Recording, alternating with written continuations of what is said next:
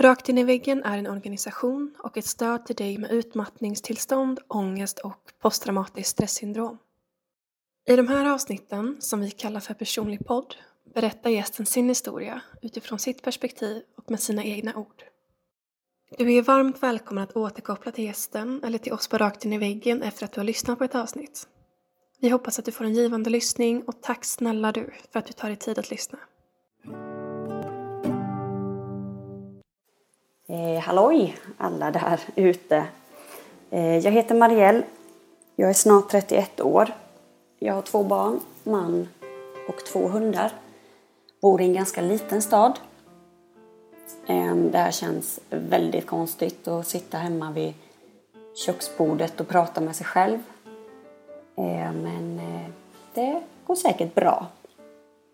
Eh, jag har alltid varit en orolig själ en öppen själ som har lätt för att bli överbelastad. Ehm, inte bara av mina egna känslor utan av andras. Det är inte så, så att någon lägger sina problem på mig utan det är mer att jag bär deras känslor. Det behöver egentligen inte vara någon jag känner. Det kan ha varit någon jag träffat på krogen eller pratat med någon gång, någon kompis kompis. Och när jag lämnar en plats med människor då går, kan jag gå hem med andras sorg och förtvivlan. Eller andras glädje. Eh, min själ har liksom alltid varit som en öppen bok. Och det är på gott och ont. Jag har många gånger undrat eh, vad det är för fel på mig. Eftersom jag alltid varit en väldigt orolig själ. Eh, mina vänner kunde göra saker som jag inte klarade av.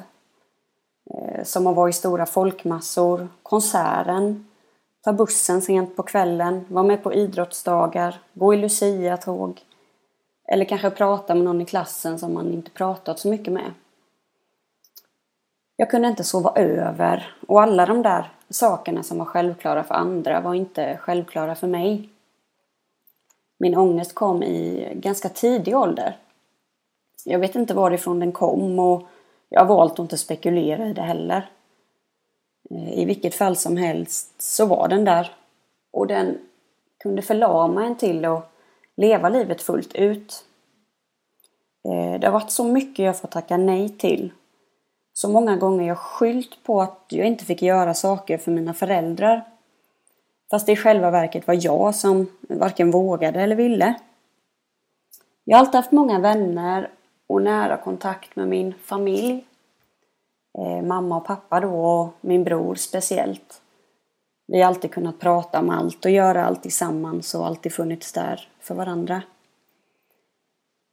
Men hur många jag än hade omkring mig så smög sig ensamheten på ibland.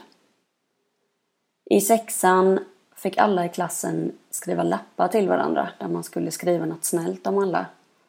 Och på alla mina lappar så stod det att jag är snäll och att jag är rolig. Eh, och det var så jag uppfattades och det var jag ganska glad för. Jag har alltid varit otroligt blyg men i tryggt sällskap en riktig pajas. Eh, humor har alltid varit mitt sätt att hantera känslor och ångest. Och många liksom blev och blir fortfarande förvånade över att jag kan skämta så vilt och brett om allt jobbigt jag bär på eller bar på. Men det är lite så att när man liksom slutar gråta över saker så kan man skratta åt dem. Och humor är fortfarande mitt bästa verktyg för att prata om jobbiga saker och det är mitt sätt att liksom inte alltid ta det på för stort allvar. Det är liksom kanske är ganska allvarligt men när man liksom haft det så pass länge så blir det ju ens liv och humorn har liksom varit ett sätt i att typ avdramatisera saker eller vad man ska säga. Sen är ju det både en tillgång och en flykt såklart. När jag gick på högstadiet så var många av mina vänner på fester såklart, som många tonåringar är. Men jag var aldrig med. Jag vågade inte och det var för mycket folk och för högljutt och för osäkert. Och egentligen så brydde inte jag mig om att jag missade festen. Jag var ledsen hemma ändå men det jag var ledsen över det var att liksom andra hade problem med att jag inte var med. Andra hade problem med att jag inte ville eller vågade. Inte jag. Och det är något som förföljt mig hela livet att jag alltid mått dåligt över saker jag egentligen skiter i för att andra haft åsikter om det. Och det här med att andra alltid ska ha åsikter om allt och alla leder mig liksom in på det som jag vill berätta om idag. Att vara mamma. Och speciellt då en utmattad mamma. Och jag berättade lite om min bakgrund för att få en förståelse, eller att ni ska få en förståelse. Lite vem jag är och att det egentligen pågått ganska länge. Och jag känner lite att en utmattning kan liksom också komma i efterhand. Att det finns situationer i livet som kan göra att saker blossar upp igen. Och att man i efterhand känner av den hjärntröttheten som man kanske inte kände precis där och då. Och det har ju gått väldigt upp och ner i livet. Jag har haft perioder där jag varit eh, det här har egentligen inte funnits överhuvudtaget. Jag har istället varit ganska impulsiv och orädd och och inte direkt lidit av min ångest. Då har jag mest liksom bara oj, nu är det över och gud vad skönt. Eh, att jag liksom fått njuta lite av det också. Eh, och jag vet inte varför det varit så men eh, det får jag väl vara glad för att det har varit. Eh, ibland har jag fått frågor om jag liksom gör mycket på jobbet och på fritiden och och vad jag har för mig som gör att jag blir så utmattad. Och eh, jag säger ju att jag har liksom ett jobb och en familj och, och för andra kanske det kan låta som att det inte är så mycket.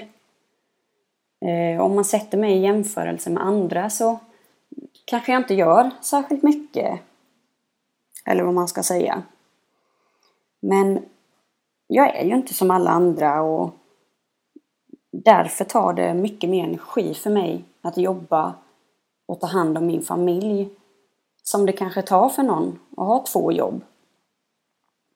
Eh, och jag begär inte att folk ska förstå och jag dömer absolut ingen. För man kan inte begära att människor ska veta saker om en om man inte frågar. Och jag uppskattar ärlighet. Eh, och folk frågar för att de är nyfikna och inte för att vara elaka. Och det har jag full förståelse för att man måste få fråga om saker som man själv inte upplevt. Som man själv inte varit liksom i samma situation och då, då är det klart att man undrar och det, det är helt okej. Okay. Men det jag liksom vill är att, att få människor att, att lyssna och ta till sig det här med att liksom andras känslor. Att allas upplevelser är deras sanningar. Och det jag känner, så är det liksom. Att ingen annan kan lägga sin värdering i det. Och det går liksom inte att jämföra människor utifrån prestation. Ehm, jag har inte haft ett upptaget liv gällande aktiviteter och fysiskt jobb om nu förstår vad jag menar men min hjärna har nog jobbat tusen gånger mer än vad vissa andras hjärnor har. Och det är väl det som är min psykiska ohälsa, att hjärnan har gått på högvarv och går på högvarv. Eh, min utmattning small väl liksom till typ ett och ett halvt år efter att jag fick mitt första barn.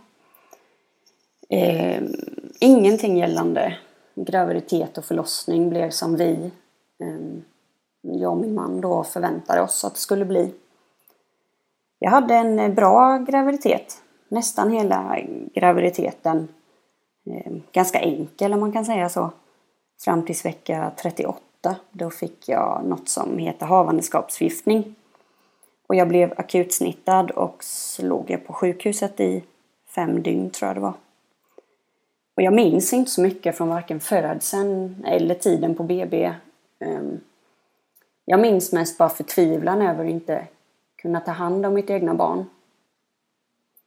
På grund av snittet så var jag sängliggandes ehm, och min son spenderade sina första dagar enbart liggandes på pappans bröst och inte mitt. Och det är väl inget fel i sig men det var inte så jag hade förväntat mig. Ehm, när jag var ensam och min man behövde åka iväg då så liksom var det sköterskorna som fick byta blöja och byta kläder och lyfta upp honom åt mig och allt det där man själv föreställer sig att man ska göra med sitt nyfödda barn. Och väl hemma så sov jag mest. Jag hade extremt ont efter snittet och den där bebisbubblan alla pratade om kom aldrig. Jag var sjuk länge efter förlossningen och det visade sig att jag hade en bit eh, moderkaka kvar i magen. Ehm, ja, det kan bli så ibland. Egentligen inte, eller vanligt och vanligt vet jag inte, men vid snitt brukar de ju se vad det är de plockar ut eller vad man ska säga. Men eh, det var en bit kvar och den hade legat där ett par veckor. Ehm, det blev operation då för de var ju tvungna att ta ut den. För den ska ju inte vara där och man får ju en infektion i kroppen. Och då blev det ännu mer återhämtning.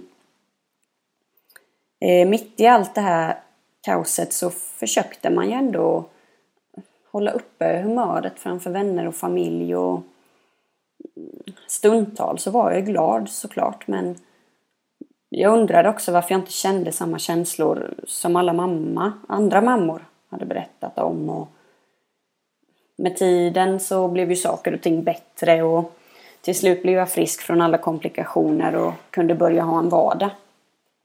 Ingenting är ju för evigt och det kan vara ganska skönt att veta det när saker känns skit. Att eh, inget är för evigt. Saker går över. Tiden rullar på och det är bara att hänga med liksom.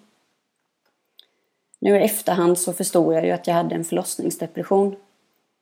Eh, och samtidigt som jag tampades med en förlossningsdepression jag inte förstod att jag hade så skulle jag bolla livet som nybliven mamma, nyblivna föräldrar, student, eh, egenföretagare. Jag gick en nagelterapeututbildning och startade upp mitt företag. Och sen skulle jag ju hänga med vännerna såklart och eh, ja, på samma sätt som förut. Eh, det var liksom till slut omöjligt att vara mamma, plugga, egenföretagare och samtidigt följa med på fest med vänner då och då. Och, eh, jag slutade till slut med mitt eget företag. Ehm, det, det var inte riktigt min grej. Jag var alldeles för mesig för att vara egenföretagare och nagelterapeut. Jag har väl med min oroliga själ att göra också antar jag. Det här med vad alla andra tänker och tycker och jag inte riktigt kunde vara stolt över det jag gjorde även om det var bra. Eh, jag började då jobba som förskollärare och det var det jag pluggade till under tiden jag var föräldraledig. Men till slut så en dag så, så sa bara kroppen stopp. Och jag minns den dagen så väl. Det small till i huvudet. Eh, och det kändes som att jag blev alltså, slagen med en tegelsten. Det tjöt i öronen och jag kunde inte titta, jag kunde inte sitta. Och jag kräktes när jag försökte gå. Det var verkligen som att någon bara drog ut sprinten ur luftmadrassen. Det fanns ingen kraft kvar överhuvudtaget. Och på vårdcentralen misstänkte de att jag hade borrelia på grund av det här med eh, ljuskänslighet och att jag kräktes och allt. Och då fick jag ta ett ryggmärgsprov eh, som visade sig vara negativt och jag fick åka hem. Eh, och kort därefter så blev jag jättesjuk. Eh, jag läckte då ryggmärgsvätska efter provet de hade tagit för borrelian. Och jag låg på sjukhus ett par dagar och sen fick jag åka hem och bli sjukskriven. Och efter det blev saker aldrig som förr. Eh, det var som att det var startskottet för det som ja, komma skall. Och mitt i det här så krockade jag och fick en whiplash. Jag kämpade mig igenom vardagen så gott jag kunde. Eh, men jag blev aldrig mig själv igen och det var svårt att förklara för andra om mitt mående när jag själv inte visste vad som var fel. Eh, och kommande år så var det mycket sjukskrivningar och, och frånvaro från arbetet eh, så, i min vardag. Fyra år senare så blev jag gravid med barn nummer två. Ehm, och det var en bra och frisk graviditet och den här gången blev jag igångsatt på grund av risken för havandeskapsförgiftning. Jag hade börjat visa lite samma symptom som första gången och jag var ändå i vecka 40 så att de kände att vi lika väl kunde sätta igång det. Det var en process som tog typ två dagar. Ehm, det var extremt obehagligt och stressfyllt upplevde jag. Själva förlossningen gick väldigt snabbt dock. Typ en och en halv timme från första verken tills min dotter var ute. Eh, och jag mådde bra efter förlossningen. Jättebra.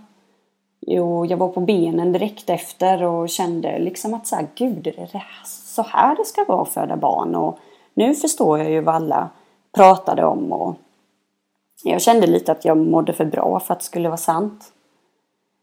Men eh, det blev tyvärr ingen solskenshistoria där heller. Eh, jag blev gravt felsydd.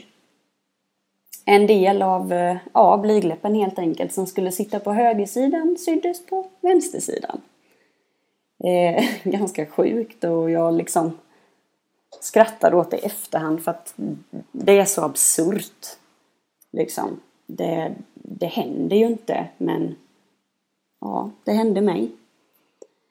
Så tre dagar efter min eh, förlossning fick jag genomgå en korrigering. En operation då när man flyttade tillbaka sakerna till rätt plats. Ehm, som ni säkert förstår så gynnade ju inte det här en utmattning jag redan hade. Eh, den tog den till en helt annan nivå. Ehm, jag drabbades av alltså, ännu mer extrem trötthet. Man kunde sova och sova och sova men man var aldrig utvilad. Eh, jag fick migrän och sänkta blodvärden och stickningar i fingrar. Ångest och koncentrationssvårigheter och eh, mycket minnesförlust. Det här med att man liksom glömmer saker efter en sekund. Eh, jag tålde ingen stress överhuvudtaget. Om min man plötsligt behövde åka till affären för att handla så kunde jag liksom få panik för att jag var inte förberedd.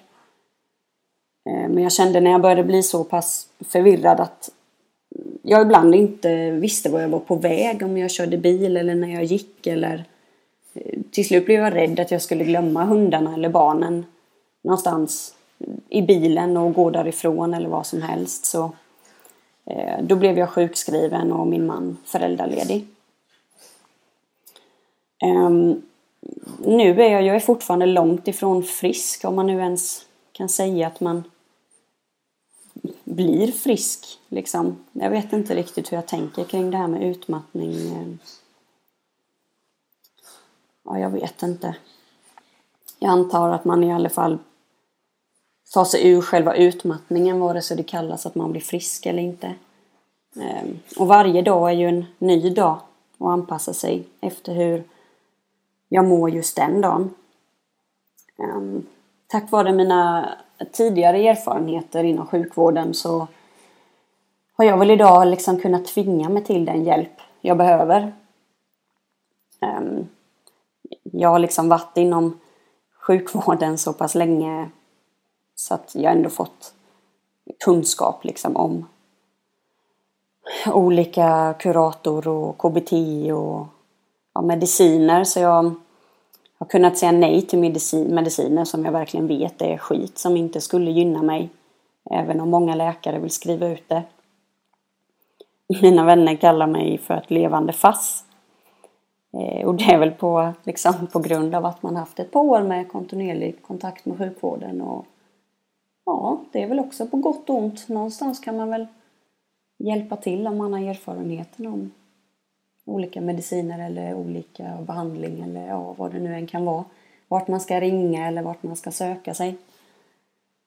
Um, och från början skulle min delning egentligen bara handla om min erfarenhet kring utmattningen och men jag kände lite att jag vill tillägna det här avsnittet till alla mammor. Och jag pratar liksom om och till mammor för att det är ju det jag är. Jag kan inte tala för pappor.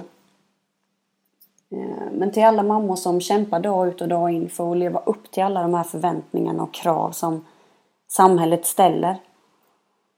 Eh, och förväntningar kring mammor och pappor kan skilja sig åt. Eh, när jag gick ut på krogen efter jag hade fått barn så fick jag ganska många gånger frågan liksom, ja men vart har du dina barn då? Och mitt svar blev ju naturligtvis att ja, de är hemma med sin pappa. Jaha, sitter han barnvakt? Vad schysst! Ehm, I vanliga fall så brukar det ju vara tvärtom men, men eh, schysst att du liksom får gå ut. Ehm, för mig är det en liksom väldigt, väldigt konstigt sätt att se på saker och ja, jag vet inte riktigt vad man ska säga men det går ju inte att klandra dem heller. De eh, jag har väl ingen egen erfarenhet av just familjelivet på det sättet så men det här med förväntningar och krav och jag har en del tatueringar och när jag fick mitt första barn så kände jag helt plötsligt att jag måste ta bort de här. Jag måste byta stil. Ehm, jag måste bete mig på det här och det här sättet och inte för att jag betedde mig dåligt på något sätt men jag ville liksom helt plötsligt kände jag bara nej jag måste ta bort alla mina tatueringar och Undrar vad folk tänker och tycker att jag är ganska ung mamma och och ser ut så här eller är så här eller jag känner att jag kanske tar lite för mycket plats för att jag är sprallig och, och glad och tänk om mitt barn börjar skrika på bussen och jag inte, inte kan trösta det och inte liksom få tyst och jag hade extrem ångest över allt det här liksom vad andra skulle tänka och tycka. Um, och liksom varför jag vill berätta allt det här det är för att jag hade själv velat höra allt det här. Jag hade själv velat höra att det finns mammor som upplevt samma saker efter en förlossning eller innan en förlossning. Det är tufft. Det är jättejobbigt för många. Eh, och liksom också för andra inte. Eh, och det är helt okej. Okay. Eh, det måste få finnas både och, men jag hade så gärna velat höra om det. Ehm, en annan sorts sanning och en annan bild av föräldraskap.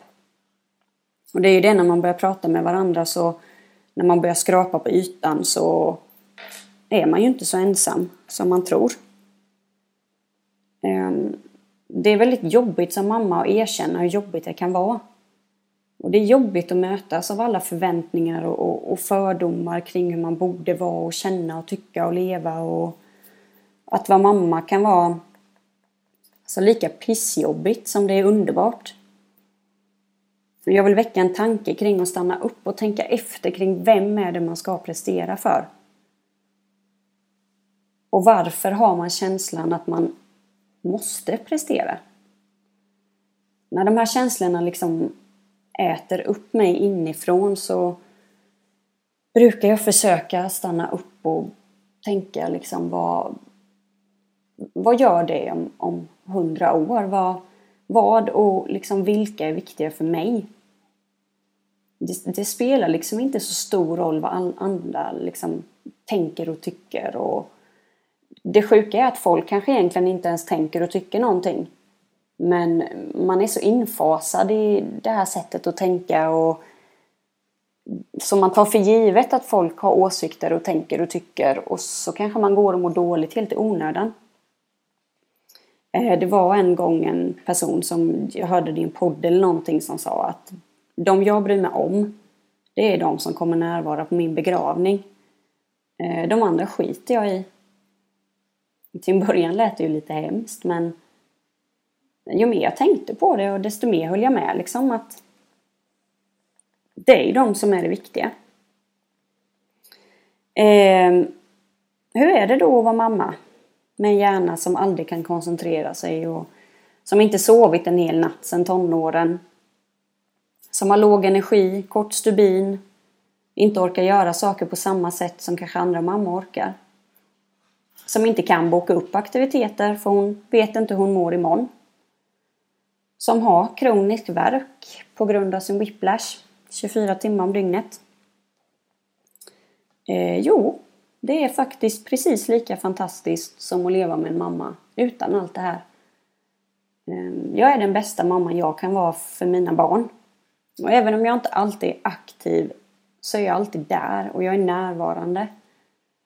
Och det har tagit väldigt lång tid för mig att komma till en acceptans kring min uppfattning och eh, min utmattning menar jag och min kroniska verk och många timmar av ältande med familj och vänner. Men mina barn har inget problem med mig. De dömer inte mig för att jag är trött.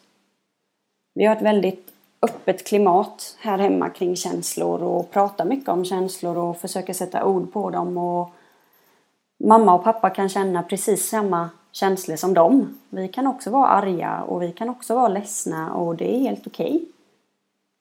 Okay. När jag är trött ibland så kan de klappa mig lite på huvudet och säga att men vi kan leka efter du har vilat. De har förståelse för när jag har ont och inte kan sitta på golvet och bygga lego. Då kan de ibland lyfta upp det i sängen så kan jag vara med. Kanske liksom vila lite samtidigt även om jag liksom inte orkar bygga. Sen är jag ju inte bara en trött och grinig mamma. Ehm, men allt, liksom som allt annat med allt det här negativa, det etsar sig alltid fast. Ehm, och alla de dagar det finns ju dagar jag mår bra, när jag mår jättebra, när jag inte alls lika ont eller när jag är glad. De glömmer man liksom bort. Ehm, trots min utmattning så är jag ändå väldigt glad och tacksam och jag har accepterat att det här kommer ta tid. Och att acceptera att det har hjälpt mig mycket i att inte gå bakåt och jag kommer väl aldrig bli den jag var förut. Och det är jag helt okej okay med. Jag kommer bli en annan person än eh, ja, Marielle 2.0 kanske man skulle kunna säga. Ehm, jag har funderat sedan i mars på om jag verkligen skulle släppa det här, om jag verkligen skulle delta i en podd och berätta. Jag har haft extrem ångest över responsen jag kommer få, om jag ens kommer få någon respons. Men sen tänker jag återigen på den här tanken att det kanske sitter någon där hemma med samma tankar och känslor som jag, som kanske är gravid, som kanske fått barn, som kanske fortfarande lider av förlossningsdepression eller har fått en utmattning mitt i det här. Ja, vad det nu kan vara. Och då känns det motiverande att berätta om det. Ehm, jag vill avsluta med att säga att jag har en fantastisk man och pappa till våra barn. Jag har spenderat livet i tio år ihop. Ehm, med ups and downs, som alltid. Med alla relationer. Men ehm, vi har liksom alltid stått kvar och stöttat varandra och jag vet inte vad jag skulle göra utan det. Ehm, han har gett så mycket av sig själv och jag har ju också gett mycket av mig själv. Jag vill tacka min familj och mina vänner såklart. Och tack till mina eh, fantastiska kollegor som alltid visat respekt och förståelse över min situation. Ehm, känns som ett tacktal, som om jag vunnit något pris. Det har jag ju inte men jag känner ändå att jag vill ha med det. Att min fantastiska familj, mina vänner och min man. Ehm, det har varit väldigt skönt att inte vara ensam i det här och Även om det finns någon som kanske inte har någon familj så finns det ju oftast alltid någon i alla fall man kan ha bredvid sig och har man inte det så kanske det här är en plattform att finna någon. Ehm, det här med att öppna upp mig och visa att man är sårbar är ju bland det bästa och läskigaste jag gjort. Det, ehm, jag sitter liksom lite med ångesten i, i halsen nu också inför att släppa det här. Um, för några månader sedan, jag har en sak kvar, jag sa att jag skulle avsluta men eh, jag vill bara berätta att då tog jag mig liksom trots min panikångest kring allt det här med stora folkmassor som jag fortfarande lider av så såg jag Mia Skäringes show. Och för en gångs skull så satt jag helt uppslukad av showen istället för att sitta med panik och oro. Eh, och där och då så fick jag en liksom euforisk känsla av att är det så här det ska vara? Är det så här man ska känna och leva utan all den här oron och ångesten och katastroftankarna och allt ältande så då är jag, då är jag fan med i livet. Jag känner liksom att man kan ha en dålig dag men, men alla de här bra måste man lära sig och etsa sig fast vid. Ehm, och då ja, tänker jag lite att tänk att en kan få ha't så gött, som hon brukar säga. Det vill jag väl avsluta lite med när man har de här fina stunderna, att man kan tänka så. Tänk att man kan få ha't så gött.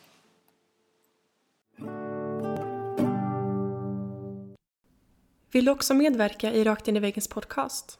Besök vår hemsida för mer information på www.raktinivaggen.com medverkan.